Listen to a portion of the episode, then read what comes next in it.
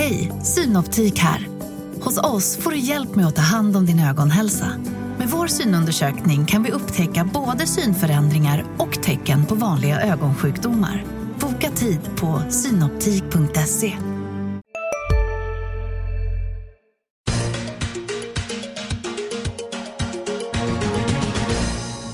Hej och välkommen till Makrorådet, Dagens Industris podd om de stora ekonomiska frågorna. Jag heter Viktor Munkhammar. Med mig idag har jag Anna Öster, chefsekonom på Länsförsäkringar och Olof Manner, analyschef på Swedbank. Välkomna hit ska ni vara. Denna härliga vårdag är det faktiskt. Ja. Tack, Bra. tack, tack. Japp. Eh, lite vårkänslor kanske på finansmarknaderna, åtminstone om man jämför med hur det såg ut eh, i, i början på året. Eh, det som har hänt den senaste tiden är att det har varit ganska dramatiskt på valutamarknaden. Dollarn har försvagats eh, en hel del. Till viss del är det också kronan som har stärkts. Det är inte bara dollar-krona-paret eh, som har rört sig. Vad, Anna, vill du, vill du börja där? Hur ska man tänka kring det här som händer på valutamarknaden? Vi har haft dollarn under 8 kronor här. Eh, den här medvinden som den svenska ekonomin har haft från en svagare valuta eh, har ju ebbat ut och kanske håller på att förvändas i sin motsats. Ja, men det är två aspekter av det där. Dels så är det ju att vi har eh, ett förstärkningstryck i kronan. Vilket vi ju kan prata mycket om höll jag på att säga. Men jag tänkte att jag ändå ville börja med att det är väldigt dollardrivet. Att det har ju varit lite av en, i alla fall utifrån mitt perspektiv, tycker jag en förvirring kring Fed. Eh, egentligen om man ska dra det långt. Att just när man började se lite mer tydliga tecken i ekonomin på inflationstryck och lönetryck framförallt. Även om BNP-siffror och så vidare har vänt ner. Så om man tittar på eh, just lite mer inflationsnära mått och så såg man att det började vara på gång och precis då upplever man att Fed egentligen svänger i sin kommunikation. Eh, antagligen då väldigt drivet av eh, marknadsoro. Det har ju lett lite till en förvirring och en omprisning om vad vi tänker att Fed ska göra och hur fort fram de kommer att gå och det har påverkat dollarn väldigt mycket. Men det är ju som du säger väldigt eh, stora rörelser för nu har vi också sett en, en förstärkning av dollarn eh, i natt. Det är många olika faktorer som kommer in i den här bedömningen. Men eh, det, vi tror ju fortfarande att Fed ska fortsätta höja. Även om det här kommer vara en väldigt långsam process. Men jag tror att risken är ändå att man blir överraskad på uppsidan då. På att de är, kommer bli, ska jag säga, lite mer hökaktiga än vad eh, marknaden har räknat med lite längre fram här. Ja. Eh, om man ändå tittar bara, okej eh, okay, eh, okej det är mycket en dollarrörelse men också om man tittar på kronan det här samlade måttet KIX då som ska väga samman den svenska valutans rörelser mot en, en korg av de viktiga konkurrentvalutorna så är den på de nivåer som är de, de starkaste på nästan ett och ett halvt år eller nästan två år till och med. Vad betyder det här för, för den svenska tillväxten och ja, får vi gärna komma in på vad tänker Riksbanken kring det här också, Olof? För det första så eh, Riksbanken har ju själv en prognos över att, om att kronan ska gå starkare. Eh, det beror ju till stor del på att vi har eh, via tjänstebalansen ett överskott i bytesbalansen. Svenska företag tar hem valutor, växlar över till kronor och så vidare. Nu ligger ju kronindex ungefär där Riksbanken hade räknat med att det skulle ligga om 7-8 månader. Så kronan har ju gått mycket starkare än Riksbankens prognos som ändå säger att kronan ska gå stark. Och det här är naturligtvis irriterande för Riksbanken och de har ju itererat gång efter annan att om kronan stärks för kraftigt så är vi beredda att genomföra valutainterventioner och så vidare. Ja, i protokollet som producerades, eh, pre- presenterades i morse här senast. från Återigen. senaste mötet. Ja. Eh, och samtidigt så har ju Sverige en väldigt stark tillväxt med starka makrotal vilket då delvis förstärker bilden av en stark svensk ekonomi och liksom även stärker trenden att, att kronan går starkt. Så att det här är ju jobbigt. Det är väl, nu är det ju snarare som, som, som eh, Anna var inne på, det är dollarn som går svag. Det hade nog varit värre om så att säga eh, kronan gick väldigt svag mot euron. Det tror jag liksom påverkar eh, svensk industri. Eh, förlåt, ja. Eh, det påverkar nog svensk industri mera med tanke på att det är våran största handelsområde och så vidare. Så att det är ju ändå second best att det är dollarn som är svag just nu. Men det här är ju jobbigt för Riksbanken att förhålla sig till så att säga. Just för att de själva tror att kronan kommer att gå stark. Ja. Anna, väldigt kort bara. Vi såg ju äntligen att det blev lite fart i, eh, i exporten. Industrin vaknade till lite här under fjolåret och lite positiva tal från nettoexporten och så. Vad, vad betyder de här eh, kronans rörelser eller relativa styrka då i det perspektivet? Ja, det där är ju alltid svårt att landa i en exakt, för samtidigt så ser vi ju att eurozonen ändå eh, uppvisar levnadstecken, eller ja. vad man ska kalla ja. det. Att, även om det går ju väldigt långsamt, men det kan man ju inte förvänta sig annat. Eh, så, så är det ju ändå så att de trampar på. Och det är ju en ökad efterfrågan såklart för våra eh, våran export. Eh, så att det är ju ändå på något vis så att vi måste ha, även exportbolagen måste ha räknat med att kronan kommer att successivt att stärkas. För det, och Riksbanken som sagt, de tror också det. Frågan är ju hastigheten. Så att jag tror ändå att svensk ekonomi ska klara av en starkare krona. Eh, men hastigheten kommer påverka väldigt mycket vad Riksbanken gör. Man hade önskat, tycker jag, om man blickar tillbaka till sen förra mötet, att de kanske hade vågat släppa lite mer på, eh, på diskussionen kring valutan. Att man inte hade varit riktigt lika aggressiv i, i sin... Eh... Och det är många som trodde innan också att de skulle lite tona ner det, alltså ta ja, det lite lugnare. Exakt, även ja. om de, vi trodde att de skulle förlänga programmet men man hade hoppats att de hade ändå eh, svängt kommunikationen lite kanske och inte fokusera lika mycket på kronan. Men det, det gör de ju inte, de är fortfarande väldigt fokuserade på det. Så där kan de ju hamna lite i en knivig sits då om det framförallt går för fort. För en förstärkning är okej. Okay, eh, men om det blir väldigt snabba rörelser så kommer de nog att eh, tycka att det är ganska jobbigt. Gott tänka på alla svenska semesterfirare också. Verkligen, de kan, de kan fira gott, De kan gott få en stark krona under, under semestern. Det tycker jag liksom, man behöver inte alltid bara tänka på Riksbanken.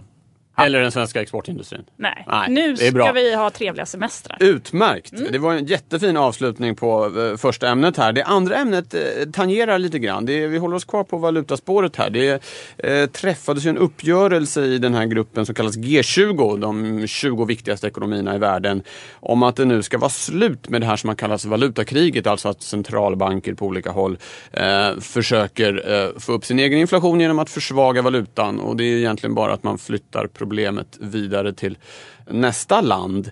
Då är min fråga till er, med tanke på att vi har hamnat i ett sånt läge att eh, växelkurskanalen i ganska stor utsträckning är det som centralbankerna har att jobba med för att hålla uppe inflationen. Inte minst i Sverige ser vi det. Om man nu kommer överens om att nej, men vi ska inte hålla på med, med penningpolitik som syftar till att försvaga valutan, i alla fall inte på ett väldigt tydligt sätt. Innebär den här uppgörelsen lite att eh, ja, men nu får det vara slut med, med lättnader? Eller hur tolkar ni det här? Vem vill börja? Ja, men jag, Anna vill börja. jag hoppar in ja. direkt här. Ja, Nej, det. Jag, alltså det där är ju så väldigt svårt för all typ av penningpolitik har ju en växelkurskanal. Ja. Så oavsett vad man gör så, så om man vill göra penningpolitiken mer expansiv så kommer det förmodligen också att försvaga växelkursen. Okej, lägger en broms i alla fall på ja, riktningen nej, mot lättare? Nej men alltså förhoppningsvis kanske då ett annat fokus men jag, jag, skulle inte säga att jag tycker att man har nått en ände på vad de kan göra. Det, de kommer bli mer uppfinningsrika bara. Man skulle kunna tänka sig eh, mycket tydligare kommunikationer kring att vi kommer overshoota inflationen. Tillfälligt Förklara inflation. kort vad det betyder. Ja, bara. Men att vi, vi kommer ha en betydligt högre inflation nu framöver under ett, en viss period och ganska ja. länge kanske. Ja. Bara för att vi nu har haft alldeles för låg och vi vill påverka inflationsförväntningarna. Du skulle till och med kunna drista det till, nu, nu tänker jag liksom då inte att det här kommer hända här och nu, men om du, om du tvingas till den situationen där du upplever att du kanske är lite bakbunden som centralbank så kan du komma på nya saker. Till exempel då ett, ett tillfälligt högre inflationsmål så att du är extremt tydlig med den här ja, overshootingen ja. till exempel. För att åstadkomma förändringar på inflationsförväntningar och då få ner realräntan till exempel. Så att jag, jag skulle förhoppningsvis kan den här diskussionen leda till ett mindre fokus på direkta valutainterventioner där man försöker liksom sparka eh, bollen mellan varandra. Höll jag på att säga. Ingen vill sitta på Svarte Petter och den starka, starka valutan. Men samtidigt så tror jag inte att det betyder att vi har nått änden på vad de kan göra. Nej, okej. Okay. det såg vi exempelvis eh, Australien exempelvis sänkte ju räntan här om natten bara. Däremot så. finns det ju en väldigt viktig förtroendekomponent i det där. Att marknaden måste också kunna tro på att de verkligen kan ha en effekt. Så ja. det är ju också en intressant diskussion. Ja. Mm. Olof, vad, vad tänker du kring den här G20-uppgörelsen? Jag tänker att det är en signal från centralbankerna lite till eh, politikerna också att eh, Eh, Eh, vi har gjort det nästan allt vi kan göra. Eh, ska vi skapa en efterfrågan i ekonomierna nu så är det alltså upp till politikerna via finanspolitiken eh, och kanske framförallt de länderna som har stora bytesbalansunderskott och så vidare då att använda de här pengarna till att skapa en, en inhemsk efterfrågan som gagnar andra länder. Så väljer jag att se på det som centralbankerna gör. Sen är det ju så också att ett, ett, ett valutakrig eh, så att säga, det, är ju, eh, det innebär ju att, att eh, till slut om, ja, om alla står på tå så ser ingen bättre. Och det är liksom vad det här leder till. Va? Det, det, och, det, och, vi vet om att allt lägre räntor skapar anomalier och obalanser på andra ställen. Så att jag tror det är en signal från, från G20 till politikerna att liksom, vi har kört på hit, nu får ni börja jobba också. Får jag, ja, får jag bara hugga in där? Utifrån ett ekonomiskt perspektiv så vore ju Olofs tolkning bra. Att det, det håller nog de flesta med om att vi skulle gärna se strukturella reformer från finanspolitiken. Det har ju både ni och många andra för att liksom länge, skapa ja. en bättre ekonomisk tillväxt. Eh, men det behöver inte betyda att man liksom inte tror att de inte skulle kunna göra mer om de verkligen pressas. Absolut. Mm. Nej, nej, och det är som sagt Australien är ju, eh, är ju det sista exemplet på det här. Va? Ja. Okej, okay. eh, bra då eh, byter vi spår eh, eh helt och hållet, nästan i alla fall. Eh, den svenska arbetsmarknaden, eh, den senaste AKUn som SCBs mätningar kallas visade att eh, den var lite sämre än väntat. vi har haft en stark utveckling, både sjunkande arbetslöshet och stigande sysselsättning. Och den här säsongsrensade och utjämnade trenden som de publicerar SCB visar att ja, nu har det planat planat ut här och arbetslösheten sjunker inte eh, så mycket. Eh, vi såg också i senaste inköpschefsindex att det delindex som mäter sysselsättningen var svagt och sådär. Är det ett eh, trendbrott på arbetsmarknaden eller hack i kurvan? Hack i kurvan. Nu, nu har jag inte hunnit detaljstudera om du menar PMI som kom, eller, kom här på morgonen. På jag, menade, jag menade det som kom i ja. äh, industri äh, PMI ja, okay, och också AKU. Mm. Och den har jag ju hunnit detaljstudera. Den, har, den kan du ju utan till, ja. men, ja. men det är ett hack i kurvan tycker jag ändå. Alltså. Men sen är det olika aspekter av det där. Vi har fortfarande en bra tillväxttakt i sysselsättningen tycker jag. Man, även om det där liksom varierar från månad till månad. Den är ju rätt hoppig om man tittar, tittar på årstaktsiffror. Mm.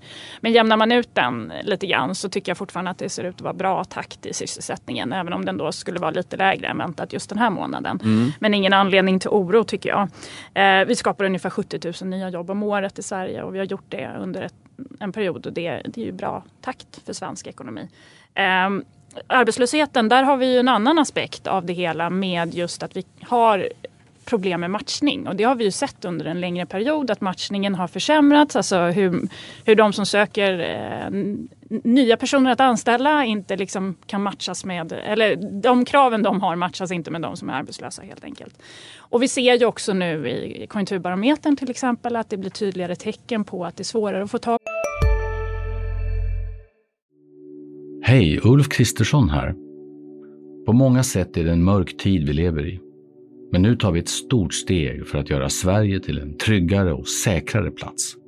Sverige är nu medlem i Nato. En för alla, alla för en. Vi är specialister på det vi gör, precis som du.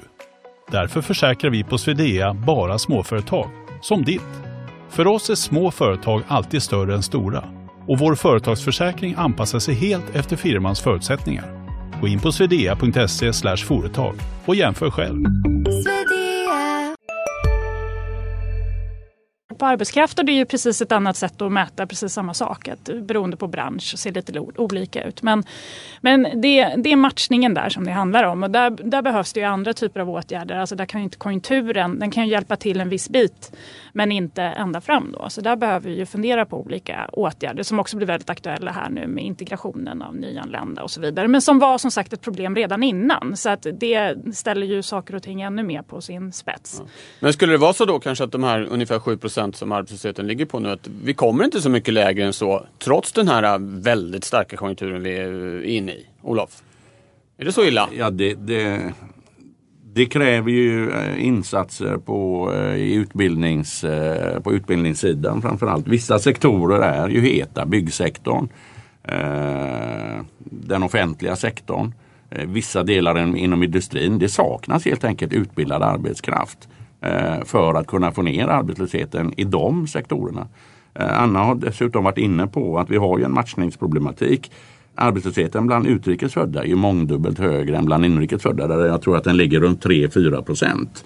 Med tanke på förra årets migration och även om prognoserna för eh, kommande års migration är nedreviderade så kommer ju den här matchningsproblematiken bli värre framöver allt annat lika om inte det kommer kraftiga eh, insatser på utbildning. Något som jag tror till och med att Bert Karlsson var ute och pratade om i, dagens Ja, nummer av Dagens Industri. Debattartikel, ja precis. Ja. Det stämmer bra. Ja, ja, okej. Ja, eh, när vi ändå pratar om arbetsmarknaden väldigt kort. Eh, avtalsrörelsen eh, har vi tre pratat om förut. Eh, det blev småstökigt, inte så illa kanske som mm, en del hade trott. Men eh, stök ändå. Men till slut så landade vi ändå på 2,2 procent i de flesta eh, branscher. Det är väl några kanske som inte är färdiga. men Ja, alla undersköterskorna var ju en bubblare.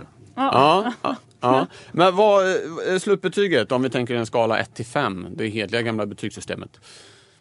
Ja, alltså det där blir ju jättesvårt för att om man utgår ifrån hur det är tänkt att fungera så blir väl betyget 5. Tittar man på avtalen så är det ju helt otroligt vad de kommer in på, samma nivå. Men, men jag som då tycker kanske att den svenska ekonomin skulle behöva lite mer flexibel. Ja. eh, lönebildning kring olika relativ löneförändringar och så vidare som skulle kunna behöva åstadkommas. Kanske ger ett lägre betyg av den anledningen då. Olof? Ja, det är nog en, en trea på en femgradig skala från såväl arbetsgivare som eh, arbetstagare. Eh, och för Riksbankens del kanske snarare en, en eh, tvåa i så fall. De hade nog gärna sett eh, högre löneökningar. Där tror jag att det här undersköterskeavtalet faktiskt vädrar lite morgonluft för Riksbanken. Det kommer nog innebära att, att andra sjuksköterskor, andra offentliga yrken eh, kanske trycker på ytterligare. Och flertalet av de avtalen som slöts i år var ju ettåriga. Och, och, Ja, det är snart dags igen. I och med att det, det det sista stök. som kom in var lite högre, då tror jag liksom att vi kan se fram emot rätt bökiga löneavtal nästa Mm. år också.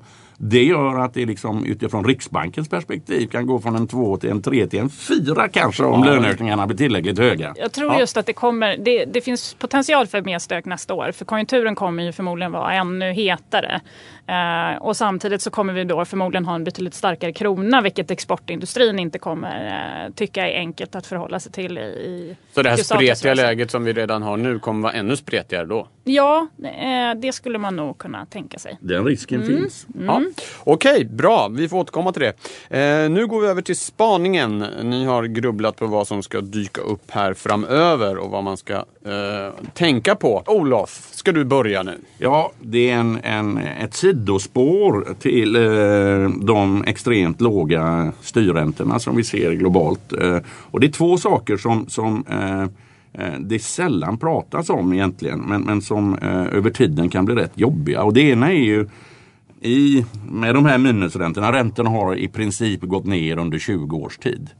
Eh, en stor del av eh, de globala pensionsbolagen eh, har ju en, en, en, en, en stor del bundet i obligationer. Det är för svensk, de svenska AP-fonderna med något undantag ska ha 30 i obligationer. Vissa utländska har ända upp till 75 i obligationer. Och det har ju varit mysigt så länge räntorna har gått ner. Nu verkar det många, eh, vara många som tror att räntorna har liksom nått någon slags botten även om det kanske kan komma ner något mera. Men det gör ju att det är väldigt svårt att få avkastning på den här eh, stocken av eh, värdepapper. Eh, vissa statsobligationer, många faktiskt, ger ju minusräntor samtidigt som avkastningskraven ligger på 4-4,5 procent. Går räntorna upp, ja då blir det ju faktiskt förluster. Så hur sjutton ska de göra? Samtidigt som eh, flertalet ekonomier har besvärliga demografiska situationer med en allt åldrande befolkning eh, som ska ha sina pensioner i ett läge där avkastning inte räcker till.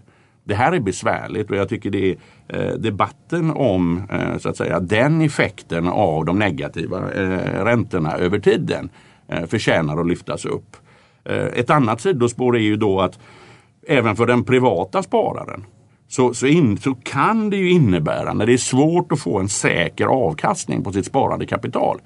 Ja, ena sättet att öka avkastningen det är att ta mera risk. Men det är ju inte alla som vill det. Svenska börsen är ner 7% i år. Det är ju halvmysigt att hoppa in i den. En annan effekt kan ju därför bli att man sparar mer istället för att den riskfria avkastningen är så jädra låg. Och då får ju så att säga de negativa räntorna egentligen en omvänd eh, effekt. Det vill säga att de stimulerar inte och trycker ut pengar i ekonomin utan folk faktiskt sparar mer och kanske konsumerar mindre. Det är också ett sidospår som eh, jag skulle se liksom, jag skulle gärna se en ökad debatt eller en, eh, på det området. Ja, okej. Anna, någon Mm. kort Nej, men jag, tycker, jag håller helt och hållet med. Det känns som att vi, vi inte klarar av att, att föra alla de här relevanta debatterna samtidigt på något vis. Vi har ju pratat om mycket beteendeeffekter av negativa räntor. Alltså att det kan vara en signal om att någonting står verkligen inte rätt till och man blir mer försiktig. Och det här är ju ytterligare en effekt av negativa eller väldigt lågt ränteläge. Eh, och det, det blir också en generationsfråga. Att olika generationer påverkas i väldigt olika grad av den här politiken. Och, och det upplever jag att vi diskuterar väldigt lite. Och det är ju samma sak med bostadspolitiken. Om vi liksom då helt flyttar spår och, och pratar om något annat. Men där gör vi inte heller det. Där, där funderar vi på liksom Eh, försöker vi åtgärda symptomen med diverse olika regler på bostadsmarknaden och stänger ute vissa grupper och så vidare. Så att, eh, jag tror vi behöver liksom lyfta en mängd sådana typer av diskussioner. Eh, vad vi vill ha, för nu blir jag väldigt så visionär. Vad vill, Ja, vi, vad vill ja. vi leva i för samhälle egentligen? Ja, ja, ja, ja, men då har du ju någonting att fundera på kanske till nästa gång du är med i det här programmet. Just verkligen. nu så tror jag, får jag, får jag be dig om dagens absolut. spaning. Ja, jag ska hålla mig Ja, ja, annars, jag gillar eh, Eh, vindlingar. Men... Ja, men då tänkte jag prata om det här. Jag tycker att det har varit intressant eh, det senaste året egentligen hela tiden att vi så fort vi ser dippande konjunktursignaler, vilket vi har gjort flera, i flera omgångar. Vi har pratat mycket i Tyskland när de har dippat ner och vi har ju nu senast pratat om eh, USA. Um, och huruvida diskussionen kommer väldigt lätt in på huruvida liksom en konjunktur kan dö av egen ålder på något vis. Eh, och det tycker jag är ett intressant fenomen som jag tänkte att ni kanske har väldigt intressanta tankar om som vi kunde prata om då. Eh, för utifrån mitt väldigt liksom teoretiska ramverk som jag funderar kring så, så, så kan det inte göra det. Alltså en konjunktur vänder inte ner bara för att den har blivit tillräckligt gammal och nu räcker det och nu så är är det dags för en lågkonjunktur. Utan det behövs ju någon typ av trigger. Eh, Centralbanker som höjer för räntor. det mesta är det ju centralbanker Ja. som höjer räntor för att vi har, har en liksom överhettning i ekonomin och inflationen är eh, ordentligt på väg upp och man behöver strama åt och så är det extremt svårt att liksom göra den åtstramningen helt perfekt välbalanserad så att du liksom inte på, du påverkar ekonomin precis Lag- lagom mm, mycket. Och så dippar vi ner. Eh, och det är ju det mest naturliga att tänka sig. Sen kan det såklart bli någon typ av kris eh, som gör att vi liksom snabbt faller ner i en... Oljepris mer- som fördubblas. Ja, exakt. Sånt. Ja. Precis, fördubblas. Inte liksom mer än halveras som det har varit nu. Och så får en viss bransch då i i USA i det här fallet problem. Eh, huruvida de är tillfälliga eller inte men jag menar själva justeringen är åtminstone tillfällig. Och då funderar vi på om konjunkturen är på väg att dö ut. Eh, vilket jag tycker då blir ett väldigt intressant fenomen. För jag menar i grund och botten så är ett fallande oljepris, tror jag de allra flesta håller med om, eh, positivt för världsekonomin. Alltså Det brukar ju liknas vid en global det- skattesänkning. Ja, precis. Men det, ungefär. det, det lyckas vi ändå inte. Vi, håller, vi lyckas inte hålla fast vid det halmstrået. Liksom, utan, och det är väl för att vi är, vi är i en väldigt speciell period. Sen finanskrisen så har det ju inte varit i någon bemärkelse en normal konjunkturcykel. Så då blir det ju mycket svårare att hålla sig fast vid det tänket såklart. Eh, och du behöver ta hänsyn till väldigt många olika faktorer. Och vi har en centralbankspolitik som ser helt annorlunda ut nu än vad vi är vana vid. Som sagt, deras uppfinningsrikedom har, ju, har ingen av oss kunnat förutspå i, i förhand, tror jag. Eh, Men, men, men det är ändå intressant att det blir en bubblare lite då och då. Och jag tänker då att jag gärna, ja, håller inte med. Den Nej. kan inte dö av ålder. Utan Så att återhämtningen som- kommer att fortsätta till någon eh, extern chock eh, Ja. tar koll på den eller att eh, centralbankerna höjer räntorna och då ordentligt kanske det här som Fed har höjt från inget till nästan inget, det Nej. duger inte. Nej. Sen kan ju räntorna öka av helt andra anledningar då. Alltså en kris, en mer av en kris. Ja, marknadsräntorna Ja, stiger. Ja. precis. Som de som berör oss helt enkelt. Mm. Men, men nej, den dör inte bara av ålder. Skönt att höra. Olof, någon tanke kring detta? ja, Eller Anna har sagt allt? Ja, hon säger alltid så fantastiskt kloka saker. Jag kan bara göra en reflektion eh, från eh, den tiden när jag var grön och började i marknaden. Då var ju konjunkturcyklerna ungefär fem år långa. Och man visste liksom att när USA var inne i sin, ja då dröjde det sex månader till ett år. Så kom den till Sverige. Idag är ju ekonomierna som en flipperkula. Eh, de hinner knappt eh, eh ta en riktning innan centralbankerna är där och skjuter eh, sönder dem. Och, och, och sen går det åt andra hållet och då är man där. Det känns liksom som de här gamla konjunkturerna som, som man liksom kunde se och känna, de är gone. Va? Eh, och det är spretigt idag. Det går upp där och det går ner där. Nu helt plötsligt i Kina eh, rör det sig positivt. Ja men då går USA ner. Ett land som skulle höja räntorna fyra gånger för sex månader sedan för att det gick så jädra bra. Det går fort allting. Va? Jag, jag tycker jag har svårt att se konjunkturen. Ja. Men samtidigt måste man ju titta på mer stabila siffror. Även om BNP är ner första kvartalet då, eller ner men alltså växer väldigt långsamt i USA första kvartalet. Så tittar man på arbetsmarknaden så är det en helt annan typ av stabilitet. Ja, arbetsmarknadskonjunkturen ja, är bra. den kan vi väl fokusera Andra typer på. av konjunktur är mindre bra. Ja. Det här var ett ämne, det som du var inne på nu Olof, som vi pratade om för något, något program sen här. Eh, att, eh, jag tror det var Annika Winst som sa, alltså Nordeas chefsekonom, att, att eh, hennes bestämda känsla var att i Sverige upplever folk inte att vi är i en högkonjunktur fastän tillväxten är 4% Alltså att man känner inte konjunkturen, man märker inte konjunkturen på samma sätt. Vad, Ja. vad, Jag tänker att det känns som högkonjunktur typ i Stockholm hela tiden. Det, det är ju alltid full fart tycker man i Stockholm när man rör sig runt i, kring här. Ja. Men, men vi är kanske ovana vid högkonjunktur. Det, vi brukar inte ha dem under så väldigt långa tider. Vi har ju i genomsnitt faktiskt ett negativt resursutnyttjande om vi blickar Ja, tillbaka till inflationsmålets införande. Alltså i genomsnitt en lågkonjunktur då om man ska översätta det till. Ja, okej. Hörni, stort tack för idag. Tack ska du ha som har lyssnat. Vi är tillbaka igen om två veckor, det vill säga den 18 maj. Hej så länge! Hej hej! Hej då!